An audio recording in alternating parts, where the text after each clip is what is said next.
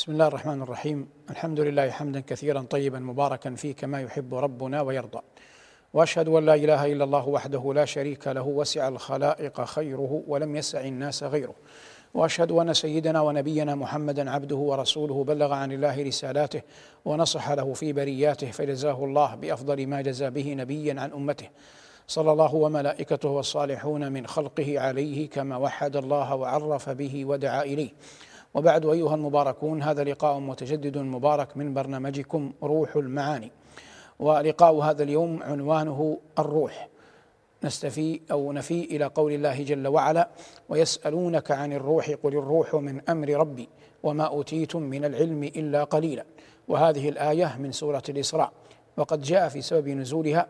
أن اليهود مروا على النبي صلى الله عليه وسلم كما في حديث عبد الله بن مسعود فقال بعضهم لبعض سلوه وقال الآخرون لا تسألوه ثم عزموا على سؤله عليه الصلاة والسلام فقالوا يا محمد ما الروح قال عبد الله بن مسعود فاتكأ النبي صلى الله عليه وسلم على عسيب نحل فعلمت أنه يوحى إليه ثم تلا قول الله جل وعلا ويسألونك عن الروح قل الروح من أمر ربي وما أوتيتم من العلم إلا قليلا والمعنى أن الروح مما اختص الله جل وعلا بعلمه والحديث عن الروح ايها المباركون حديث مستفيض وسنحاول ان نعرج عليه قدر الامكان. عالم الارواح قبل عالم الاجساد، عالم الارواح قبل عالم الاجساد، الا في حق ابينا ادم، فان الله جل وعلا خلق ادم اولا، ثم نفخ فيه من روحه، ثم اخرج من ظهر ادم كل نسمه كائنه منه الى يوم القيامه، فهذا ما يسمى عالم الارواح في ذلك العالم لما خرج الناس لما تخرجت الارواح من ظهر ادم تلاقت فاصبح بينها شيء من التعارف وتعرف بعضهم على بعض ثم لما اهبطوا الى الدنيا ما كانت من تلك الارواح قد التقى في السماء في عالم الارواح يحصل بينهما الان الفه وما كان قد التقى ولم يتالف في السابق لن يتالف في الدنيا وهذا من معاني قول النبي صلى الله عليه وسلم الارواح جنود مجنده ما تعارف منها ائتلف وما تناكر منها اختلف قيل ان المعنى ما تعارف منها في عالم الارواح يأتلف في الدنيا وما لم يتعارف وتناكر في عالم الارواح يختلف في الدنيا وهذا شيء مشاهد محسوس فكم من الناس يا اخي ترى نفسك مندفعا اليه كانك تعرفه من سنين وبعضهم ربما كان قريبا منك جوارا او قرابه ومع ذلك لا تجد بينك وبينه الفه فهذا من معاني قوله صلى الله عليه وسلم الارواح جنود مجنده ما تعارف منها ائتلف وما تناكر منها اختلف وهذه المرحله الاولى في عالم في عالم الارواح المرحله الثانيه يوم ان ينفخ الملك الموكل بالاجنه ان ينفخ الروح في الجنين فإن الجنين يجمع في بطن أمه أربعين يوما نطفة ثم يكون علقة مثل ذلك ثم يكون مضغة مثل ذلك بعد هذه المرحلة يأتي الملك فينفخ فيه الروح ويؤمر بأربع كلمات بعمله ورزقه وأجله وشقي أم سعيد هذا النفخ هو بداية ولوج الروح إلى الجسد فتدب فيه الحياة فتشعر المرأة الوالدة الحامل بحركة الجنين فهذا قد دبت فيه الحياة فإذا دبت فيه الحياة فلا سبيل لأحد عليه أي أنه أصبح نفسا معصومة ذات روح لا سبيل لأحد عليه البتة فلا يجوز إجهاضه ولا قتله لأي سبب كان لأنه أضحى شخصا مستقلا قال الله جل وعلا ثم أنشأناه خلقا آخر فتبارك الله احسن الخالقين فاصبح روحا معصوما هذا اول اتصال للروح بالجسد في الحياه الدنيا ثم اذا ولد الجنين يكون اتصال الروح بالجسد اكمل واشد وتبقى الروح متصله بالجسد يحدث بينهما الفه دون ان يدري الانسان اين موطن الروح منه حقيقه وان كان بعض اهل العلم يقول ان الروح لا تختص بشيء من البدن لا تختص بشيء من البدن اذا نام الانسان تقبض روحه قبضا جزئيا فيصبح هناك انفكاك بين الروح والجسد انفكاكا جزئيا عارضا فتسرح الروح وتتنقل ولذلك يصبح الرجل وقد راى الرؤيا وكانه عاشها بجسده فاذا طعم شيئا يشعر بطعمه واذا انتقل الى بلاد وقد يصيبه حزن وقد يصيبه فرح ويشعر بهذا كله ثم يقوم من مرقده يقوم من منامه وهو على فراشه لم يتحرك منه شيء فمن التي سرحت هي الروح وكيف سرحت وذهبت تولت علم هذا عند ربي قال ربنا ويسألونك عن الروح قل الروح من أمر ربي وما أوتيتم من العلم إلا قليلاً يبقى هذا حتى ياذن الله جل وعلا بان تقبض الروح فاذا قبضت الروح جاء ملك موكل بقبض الارواح ليستل الروح وقد قلنا انه ليس للروح مكان مخصص في البدن لكن خروجها قطعا من الحلقوم بدليل قول الله جل وعلا فلولا اذا بلغت الحلقوم وانتم حينئذ تنظرون ونحن اقرب اليه منكم ولكن لا تبصرون فيكون خروج الروح من الحلقوم ويتعلق به هنا حكم فقهي أن باب التوبة يمتنع ويسد يمتنع باب التوبة ويسد وليست التوبة للذين يعملون السيئات حتى إذا جاء أحدهم الموت قال إني تبت الآن فهذا لا توبة له والمقصود تخرج تخرج الروح ولا تنفك الروح من أن تكون إما روحا صالحة أو روحا كافرة فيكون صعود كل روح بحسب حالها فتمر الروح الطيبة على الملائك في السماء فينادونها بأحسن الأسماء ويصفونها بأجمل الصفات وتفتح لها أبواب السماء وأما الروح الخبيثة عياذا بالله فتنادى بأقبح الأسماء وأقبح الصفات ولا تفتح لها أبواب السماء كما قال ربنا تبارك وتعالى ثم تعود الروح إلى الجسد ويكون الجسد قد حمل على أعناق الرجال أيا كان قبر سواء حمل على اعناق الرجال او لم يحمل فتعود الروح مره اخرى الى صاحبها الى الجسد تعود جزئيا قبل ان يدفن فتقول ان كانت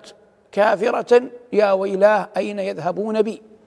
وان كانت صالحه تقول قدموني قدموني ولهذا جاء في الاثر انه يحسن بمن يحمل الجنازه ان يسرع فيها لانها اما ان تكون خيرا فتقدم اليه واما شر يضعه الناس عن رقابهم واما شر يضعه الناس عن رقابهم هكذا جاء الخبر عن رسولنا صلى الله عليه وسلم ثم يكون هناك اتصال اخر ما بين الروح والجسد اتصال اكمل في حياه البرزخ قال الله جل وعلا ومن ورائهم برزخ الى يوم يبعثون وقال ربنا تبارك أسماؤه وجل ثناؤه وجاءت سكرة الموت بالحق ذلك ما كنت منه تحيد ونفخ في الصور ذلك يوم الوعيد وقال جل وعلا فكشفنا عنك غطاءك فبصرك اليوم حديد أي أن الوضع اختلف عما كنت تعهده في الحياة الدنيا على هذا أيها المباركون يكون ما يكون من اتصال الروح بالجسد حتى تهيئ الروح مع الجسد لإجابة الملكين عند السؤال في سؤال منكر ونكير ثم يكون هناك اتصال بين الروح والجسد الله اعلم به لان القبر اما ان يكون فيه نعيم واما ان يكون فيه عذاب وجحيم قال عليه الصلاه والسلام ان هذه الامه تبتلى في قبورها وكان صلوات الله وسلامه عليه يتعوذ بالله من عذاب القبر وقد مر صلى الله عليه وسلم على قبور مشركين فحادت به دابته حتى كاد ان يسقط ثم سأل فأخبر أن هناك قبورا لمشركين فقال عليه الصلاة والسلام إن هذه الأمة تبتلى في قبورها وهذا حق ثبت في القرآن وثبت في السنة من وجوه عدة ونحن نتكلم فقط هنا عن اتصال الروح بالجسد أين مستقر الأرواح من حيث الجملة أرواح المؤمنين في عليين وأرواح الكافرين في سجين وأرواح الشهداء تأوي إلى حواصل طير خضر الى قناديل معلقه في ظل العرش وارواح عامه المؤمنين تكون في حواصل طير تطير في الجنه وقيل غير ذلك قيل ان ارواح كل ان روح كل احد محبوسه على قبره لكن من حيث الجمله الامر كما قال الله كلا ان كتاب الفجار لفي سجين وما ادراك ما سجين كتاب مرقوم وفي حق المؤمنين قال كلا إن كتاب الأبرار لفي عليين وما أدراك ما عليون كتاب مرقوم هذا ما يتعلق بالروح من حيث مآلها حتى إذا كان البعث والنشور خرجت كل روح من مستقرها واتصلت بالجسد الذي خرجت منه فتدب فيه الحياة وهذا اتصال أكمل من الحالات الأول بين الروح والجسد فتدب فيه الحياة فيخرج الناس من قبورهم الى ارض الحساب ثم بعد ذلك يحكم الله جل وعلا بين خلقه فيكون مآل المؤمنين الى الجنه ومآل الكفار الى النار فيكون في تلك الاحوال اعظم اتصال بين الروح والجسد لا انقطاع بعده ابدا وهذا من معاني الخلود الذي ذكره الله جل وعلا عن اهل الجنه وعن اهل النار هذا هذه مسيره الروح منذ ان تنفخ في الجسد إلى أن تأوي إلى جسد صاحبها في جنة أو في أو في نار يبقى الحديث عن الروح من طرائق عدة هل الموتى يعلمون شيئا عن حال أهل الدنيا قال بعض العلماء إن الإنسان إذا مات ربما التقت روحه بروح من سبقه من الموتى فيخبر هو ما استجد من أحوال ووقائع قبل قبل موته وبعد موتهم فيخبرهم بها وقال بعضهم ان ما يحدث الان من التقاء ارواح الاحياء بالاموات كما يحصل في الرؤى هذا نوع من تلاقي من تلاقي الارواح وقد ورد ان رجلا كان بينه بين بيته وبين المقبره مسجد بين المسجد وبيته مقبره فكان يمر في الطريق على المقبره ويقول اللهم انس وحشتهم وارحم غربتهم في كل طريقه يعني اذا غدا او راح يدعو لاهل المقابر وذات يوم ذهب الى المسجد ونسي ان يدعو بهذا الدعاء فلما امسى ونام راى اصحاب القبور قد اتوه يلبسون ثيابا بيضا ويقولون له ان الله جل وعلا كان يفرج عنا بدعوتك لنا ومن هنا يعلم ان الموتى ينتفعون اعظم انتفاع بدعاء الأحياء لهم ولو لم يكن ينتفعون ولو لم يكونوا ينتفعون لما أمرنا الله جل وعلا أن ندعو للموتى والله لما أثنى عن بعض الصالحين على بعض الصالحين من عباده قال والذين جاءوا من بعدهم يقولون ربنا اغفر لنا ولإخواننا الذين سبقونا بالإيمان ولا تجعل في قلوبنا غلا للذين آمنوا ربنا إنك رؤوف رحيم وشرع لنا أن نأتي المقابر فنسلم على أهلها السلام عليكم أهل الديار من المؤمنين وإنا إن شاء الله بكم لاحقون وفي الحديث إنه ليسمع قرع نعالهم فعالم الأرواح عالم مستفيض كبير جدا والأمر فيه كما قال الله ويسألونك عن الروح قل الروح من أمر ربي وقد قال ابن سينا إن الروح إذا علقت بالجسد ألفته مع انه لا يوجد احد اختار الجسد الذي دبت روحه فيه هذا كله بقدر الله فاذا الفت الروح الجسد وجاء وقت النزع تكون المشقه في الخروج لان قد الفت الجسد قال ابن سينا هبطت اليك من المحل الارفع ورقاء ذات تعزز وتمنع هبطت على كره اليك وربما كرهت فراقك وهي ذات توجع هذه القصيدة عارضها شوقي بقوله ضمي قناعك يا سعاد أو ارفعي هذه المحاسن ما خلقن لبرقعي ضمي قناعك يا سعاد أو ارفعي هذه المحاسن ما خلقن لبرقعي إن استطردنا أدبيا فشوقي أحد أكبر شعراء هذا العصر ولقب بأمير الشعراء وبويع في محفل تقدمه حافظ إبراهيم امير القوافي قد اتيت مبايعا وهذه وفود الشرق قد بايعت معي وما قاله في حق ابن سينا في الحديث عن الروح يسمى في العرف الادبي بالمعارضات وقد اشتهر فيها شوقي كثيرا فقد عارض كثيرا من الشعراء فمثلا البرده للبصيري يقول فيها يقول شوقي في معارضته للبصيري ريم على القاع بين الباني والعلم أحل سفك دمي في الأشهر الحرم رمى القضاء بعيني جؤذر أسدا يا ساكن القاع أدرك ساكن الأجم أخوك عيسى دعا ميتا فقام له وأنت أحييت أجيالا من الرمم إن قلت في الأمر لا أو قلت فيه نعم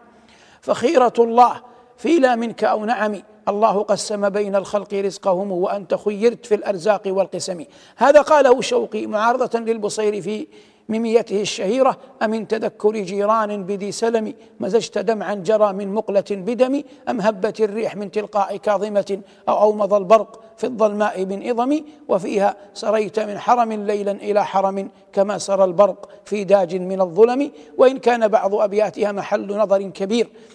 لما فيها من غلو لا يقبل الذي يعنينا هنا أيها المبارك الحديث عن شوقي ونحن نتحدث عن معارضته في الروح كما عارض الشوقي رحمه الله ابن زيدون في قصيدته الشهيرة أضحى التنائي بديلا من تدانينا وناب عن طيب لقيانا تجافينا بنتم وبن فما ابتلت جوانحنا شوقا اليكم ولا جفت مآقينا نكاد حين تناجيكم ضمائرنا يقضي علينا الاسى لولا تاسينا والله ما طلبت اهواؤنا بدلا منكم ولا انصرفت عنكم امانينا عارضها شوقي عندما كان في منفاه لانه نفي من مصر الى اسبانيا فقال في منفاه يا نائح الطلح اشباه عوادينا نشجى لواديك ام تاسى لوادينا ماذا تقص علينا غير ان يدا قصت جناحك جالت في حواشينا الدنيا أساة جسمك شتى حين تطلبهم فمن لروحك بالنطس المداوينة نستل هذا البيت من نونية شوقي ونتحدث عن قول الله جل وعلا ويسألونك عن الروح شوقي يقول أساة جسمك شتى حين تطلبهم والمعنى الأساة هم الأطباء والمقصود أن أمراض الجسد الظاهرة كثير من يعالجها جليل من يداويها يجد الانسان لها مخرجا هنا او هناك لكن العله الحقيقيه عندما تكون الروح سقيمه فقال فمن لروحك بالنطس مداوينا من اعظم ما يعذب الروح الغربه وبعد الديار ومفارقه الاهل والاحباب والنبي صلى الله عليه وسلم في حديث مالك بن الحويرث لما جاءوه من ديار قومهم ومكثوا عنده قرابة عشرين يوما وهم مع رسول الله عليه الصلاة والسلام وفي مدينته ودار هجرته ويصلون وراءه قال مالك رضي الله عنه فلما رأى اشتياقنا إلى أهلنا فلا يلام المرء أن يشتاق إلى أهله وأن يحل وأن يحن إلى دياره وحبب أوطان الرجال إليهم مآرب قضاها الشباب هنالك إذا ذكروا أوطانهم ذكرتهم عهود الصبا فيها فحنوا لذلك فمن أعظم آلام الروح ما يكون من الغربة والبعد عن الديار والأهل والأحباب فيشتاق المرء إليهم ولهذا حتى الصديق وبلال رضي الله تعالى عنهما لما هاجر الى المدينه حنى كثيرا الى مكه بلال يقول وهل يبدو لي شامة وطفيل وهي جبال في مكة يحن إليها وكذلك قال الصديق حتى قال صلى الله عليه وسلم اللهم حبب إلينا المدينة كحبنا مكة أو أشد فهذا من آلام الروح من آلام الروح كذلك ما يصيبها من فقد الأحبة بالوفاة فإن الإنسان يحزن على فقد من يحبهم قال عليه الصلاة والسلام لما فقد ابنه ابراهيم وانا على فراقك يا ابراهيم لمحزونون ومن هنا كان الرثاء في الشعر العربي اصدق اصدق اغراض الشعر لانه لا يقوله الا ذو نفس تشعر بالام الاخرين صادقه فيما تدعيه لانه لا يرجى من وراء الميت شيء في الغالب الا ان يكون له ورثه منعمون لكن المراد هنا قضيه ما يعتري الروح من الام تعتري يعتري الروح من الام كذلك اذا رامت شيئا عجزت عنه وطلبت شيئا قصرت دونه فهذا يجعلها يجعل فيها من الجراح والنكال ما الله جل وعلا به عليم ترى الشيء ولا تطيقه خاصة ذلك الرجل الذي يرزق بني يرزق بنين وبنات يكثر عياله ويرق حاله ولا يستطيع أن يقوم بحقهم ولا واجبهم ولا أن يعولهم حق العيلة هذا ينجم عنه أثر وجراح على الروح ليست بالهينة ليست باليسيرة لكن مثل هؤلاء يستعينون ينبغي عليهم ان يستعينوا بالله ويلجأوا اليه ويسالوا الله تبارك وتعالى من فضله فآلام الروح كثيرة جدا الكلمة يسمعها الإنسان في غير محلها يراد بها أن تنق أن ينقص من قدره أو أن لا يرفع من شأنه أو أن الإنسان إذا ظلم وحرم حقا له يشعر بآلام روح هذا كله مندرج في آلام الروح فالنفس الإنسانية نفس واسعة والنفس ما والروح ما دامت متصلة بالجسد تسمى نفس فإذا خرجت من الجسد تسمى روح إذا اتصلت بالجسد تسمى نفس قال الله جل وعلا ونفس وما سواها وقال يوم تأتي كل نفس تجادل عن نفسها وإذا خرجت النفس من الجسد سميت سميت روحا كما قال ربنا هنا ويسألونك عن الروح قل الروح من أمر ربي والنبي صلى الله عليه وسلم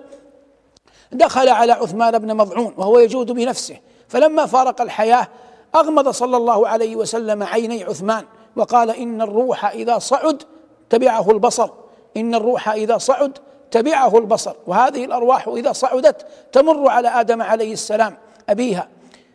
فما كان منها صالحا جاء من جهه اليمين فيفرح وما كان منها غير ذلك جاء عن جهه الشمال فيحزن وهذا كله مندرج في الحديث عن هذه الارواح وعالمها الذي لا يمكن حصره ولهذا قال الله جل وعلا ويسألونك عن الروح قل الروح من أمر ربي أي مما اختص الله جل وعلا بعلمه فإذا علم هذا كله فما الذي تطيب به النفوس ذكر الله جل وعلا فإن ذكر الله أنس السرائر وحياة وحياة الضمائر وأقوى الذخائر فإن ذكر الله أنس السرائر وحياة الضمائر وأقوى الذخائر الذين آمنوا وعملوا الصالحات طوبى لهم وحسن مآب الذين آمنوا تطمئن قلوبهم بذكر الله ألا بذكر الله تطمئن القلوب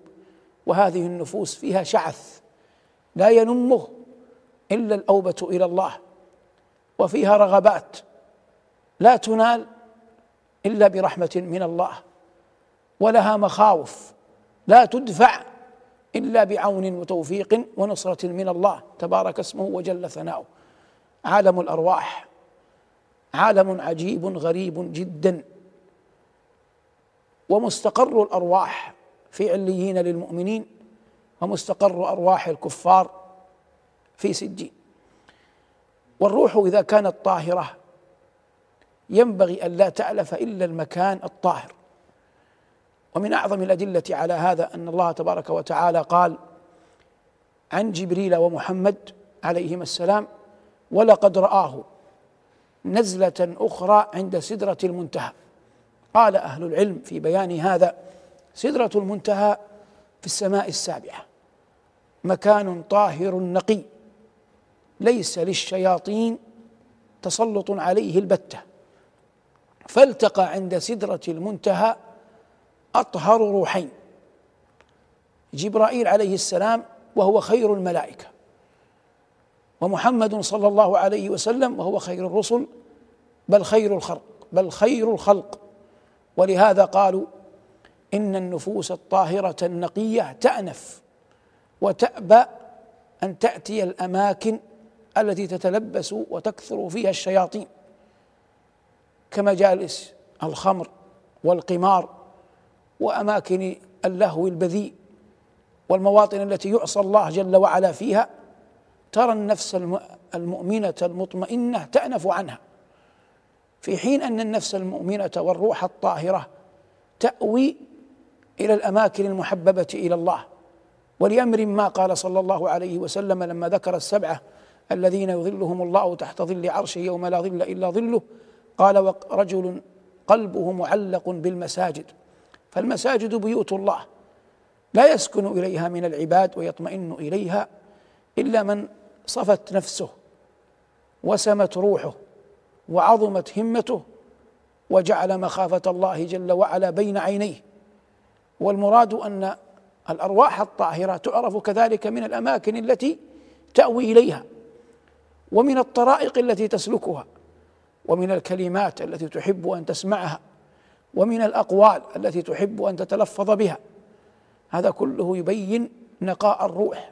وطهارتها فان كانت الروح على الضد من ذلك عياذا بالله تراها تالف مجانس الخنا ولا تستريح الا عند شواطئ العراه ولا تركن الا للكلمات العوراء ولا تطمئن الا لمواطن الفحشاء خبثت الروح فخبث المسلك واذا طابت الروح طاب المسلك وايا كان الامر فان هذه الروح ستقبض وتترك صاحبها فيقلب الغاسل الجسد كيفما شاء لانه لا روح تملكه فالروح مهيمنه مسيطره على الجسد فاذا فرقته وهو الموت دبت عدمت الحياه في ذلك في ذلك الجسد وقد ورد في القرآن وغيره عن الصالحين أحيانا أنهم يتمنون الموت كما قال الله جل وعلا عن الصديقة مريم يا ليتني مت قبل هذا وكنت نسيا منسيا وجاء عن الصديق يوسف رب قد آتيتني من الملك وعلمتني من تأويل الأحاديث فاطر السماوات والأرض أنت ولي في الدنيا والآخرة توفني مسلما وألحقني بالصالحين لكن يظهر أن هذا كله لا يحمل على ظاهره وقد قال بعض العلماء انه لا يتمنى الموت الا واحد من ثلاث لا يتمنى الموت الا واحد من ثلاث رجل لا يدري ما هو ماذا بعد الموت رجل لا يدري ما بعد الموت يعني غاب عنه اهواله واحواله وما يكون بعد الموت واثناءه من كرب جهل هذا كله فهو يتمنى الموت يجهل ماذا يكون بعد الموت ورجل يريد ان يفر من قدر الله كما يصنع من ينتحر رجل يريد ان يفر من قدر الله ضاقت به الدنيا او ضاق به الرزق او اشتد عليه مرض او تفاقم عليه كرب والحاله الثالثه رجل اشتاق الى لقاء الله والحاله الثالثه رجل اشتاق الى لقاء الله فان صح هذا التقسيم فان هذا يحمل على قول الصديق يوسف رب قد اتيتني من الملك وعلمتني من تاويل الاحاديث إلى أن قال توفني مسلما وألحقني بالصالحين هذه الثلاث فإذا جئنا للأول وهو الجهل فهذا قليل لأنه قد ذاع وشاع في الناس ما بعد الموت من أهوال وفي وما في الموت من سكرات وكربات فإن النبي عليه الصلاة والسلام وهو سيد الخلق وأرفعهم درجة كان يضع يديه الطاهرتين في علبة فيها ماء ويمسح بها وجهه الطاهر الشريف ويقول في مرض موته لا اله الا الله ان للموت سكرات اللهم اعني على سكرات الموت والصديق رضي الله عنه كانت عنده ابنته عائشه تمرضه وقت مرضه وقت وفاته فسمعها وهي تقول تردد بيت حاتم الطائي لعمرك ما يغني الثراء عن الفتى اذا حشرجت يوما وضاق بها الصدر فقال رضي الله عنه يا يا ابنتي لا تقولي مثل هذا وقولي كما قال الله وجاءت سكرة الموت بالحق ذلك ما كنت منه تحيد وجاءت سكرة الموت بالحق ذلك ما كنت منه تحيد والمقصود قلما يجهل أحد ما في الموت من كربات وما وما بعده من أهوال بقيت الثانية وهو الذي يريد أن يفر من قدر الله وقد جاءت أحاديث وآيات قبلها تحذر من أن يقتل الإنسان نفسه الله جل وعلا يقول ولا تقتلوا أنفسكم إن الله كان بكم رحيما وفي الحديث عبد بادرني بنفسه حرمت عليه الجنه عبد بادرني بنفسه حرمت عليه الجنه لكن الصواب ان يقال ان هذا الصنيع وان كان ممنوعا محرما شرعا وفيه ما فيه من سوء الظن بالله الا انه لا يحكم على صاحبه بالكفر وهو داخل تحت المشيئه ان شاء الله عذبه وان شاء غفر له ان شاء عذبه وان شاء غفر له والدليل على ذلك أن اثنين من الصحابة كانا في سفر فأحدهما أصابه أصابته علة عجز أن يصبر عليها فعمد إلى شيء من عروقه فقطعها حتى مات من عروق يديه حتى مات ثم بعد ذلك جاء صاحبه إلى المدينة أو ابن عمه فأخبر النبي صلى الله عليه وسلم وقبل ذلك رآه في منامه أي رأى ابن العم اخاه الذي قضى نحبه وانتحر بنفسه فراه في الج... فرآه منعما إلا يديه مغلولتين إليه فقال له في الرؤيا ما فعل الله بك قال أكرمني قال ما هذا الذي أراه في يديك قال إن ربي قال لي إن لن نصلح منك ما أفسدته من نفسك إن لن نصلح منك ما أفسدته من نفسك فلما علم النبي صلى الله عليه وسلم بهذا قال اللهم وليديه فاغفر اللهم وليديه فاغفر قالها ثلاثة والحديث عند مسلم في الصحيح ومن هنا يفهم أنه لا يحكم على أي منتحر بأنه خالد مخلد في النار لكن يحذر الناس من هذا الصنيع وينبغي أن يحسن المرء ظنه بالله تبارك وتعالى وحسن الظن بالله من أعظم وأجل القربات إلى ربنا تبارك اسمه وجل ثناؤه بقيت الثالثة وهو الشوق إلى لقاء الله فإن الشوق إلى لقاء الله محبوب من كان يرجو لقاء الله فإن أجل الله لآت فالإنسان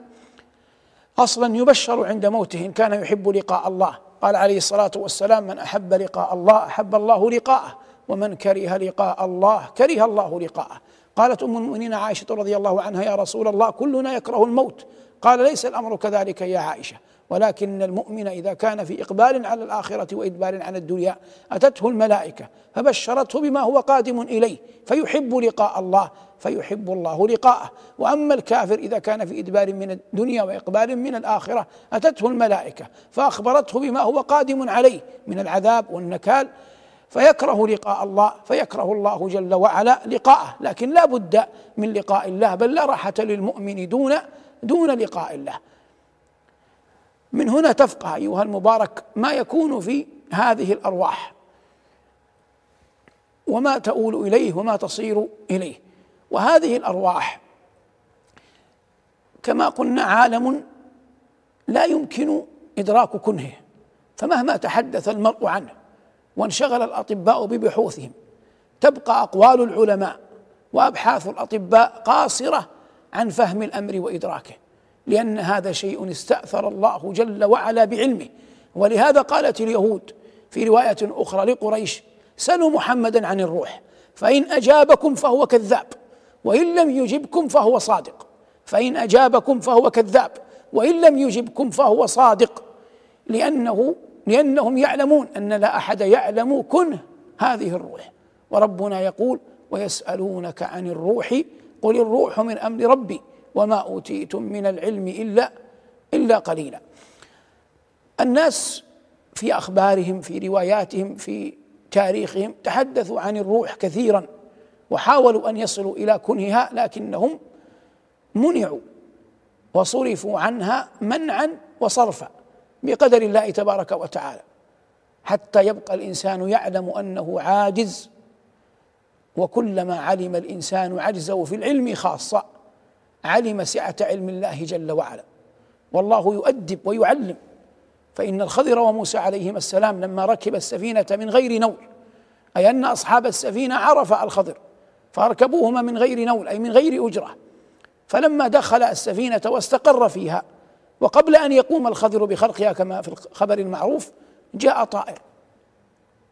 فوقف على حرف السفينة ثم نقر نقرتين في البحر ثم مضى فقال الخضر لموسى ما نقص علمي وعلمك من علم الله او ما بلغ علمي وعلمك من علم الله الا كما اخذ هذا الطائر من البحر فالله جل وعلا وحده من يعلم كل شيء لتعلموا ان الله على كل شيء قدير وان الله قد احاط بكل شيء علما ومن العلم الذي احاط الله به وقد احاط الله بكل شيء علم هذه الارواح فلا يحسن التفكر في الروح اين تذهب كيف كانت اين توجد وانما يحسن التفكر كيف تهذب هذه الروح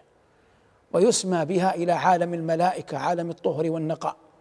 كيف يسمى بها الى الملكوت الاعلى والمحل الاسنى كيف تهذب بالقران وتؤدب بالسنه وتتحلى بمكارم الاخلاق حتى تعلو على غيرها او عياذا بالله تترك فتصبح الى عالم الى عالم الانحطاط اقرب تتعلق بالشهوات تستكين للشبهات والعبد اذا استكان للشبهات واطمأن للشهوات هلك قال الله فخلف من بعدهم خلف اضاعوا الصلاه واتبعوا الشهوات فسوف يلقون غيا يبقى مساله وهي الحديث عن عيسى بن مريم عليه السلام عيسى بن مريم فيما يظهر ان الله جل وعلا في عالم الارواح الاول الذي تحدثنا عنه في اول اللقاء ابقى روح عيسى عنده وردت ارواح بني ادم الى ظهر ابيهم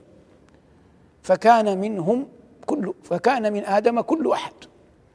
بما فيهم مريم ابنه عمران واما الروح التي ابقاها الله عنده وهي روح عيسى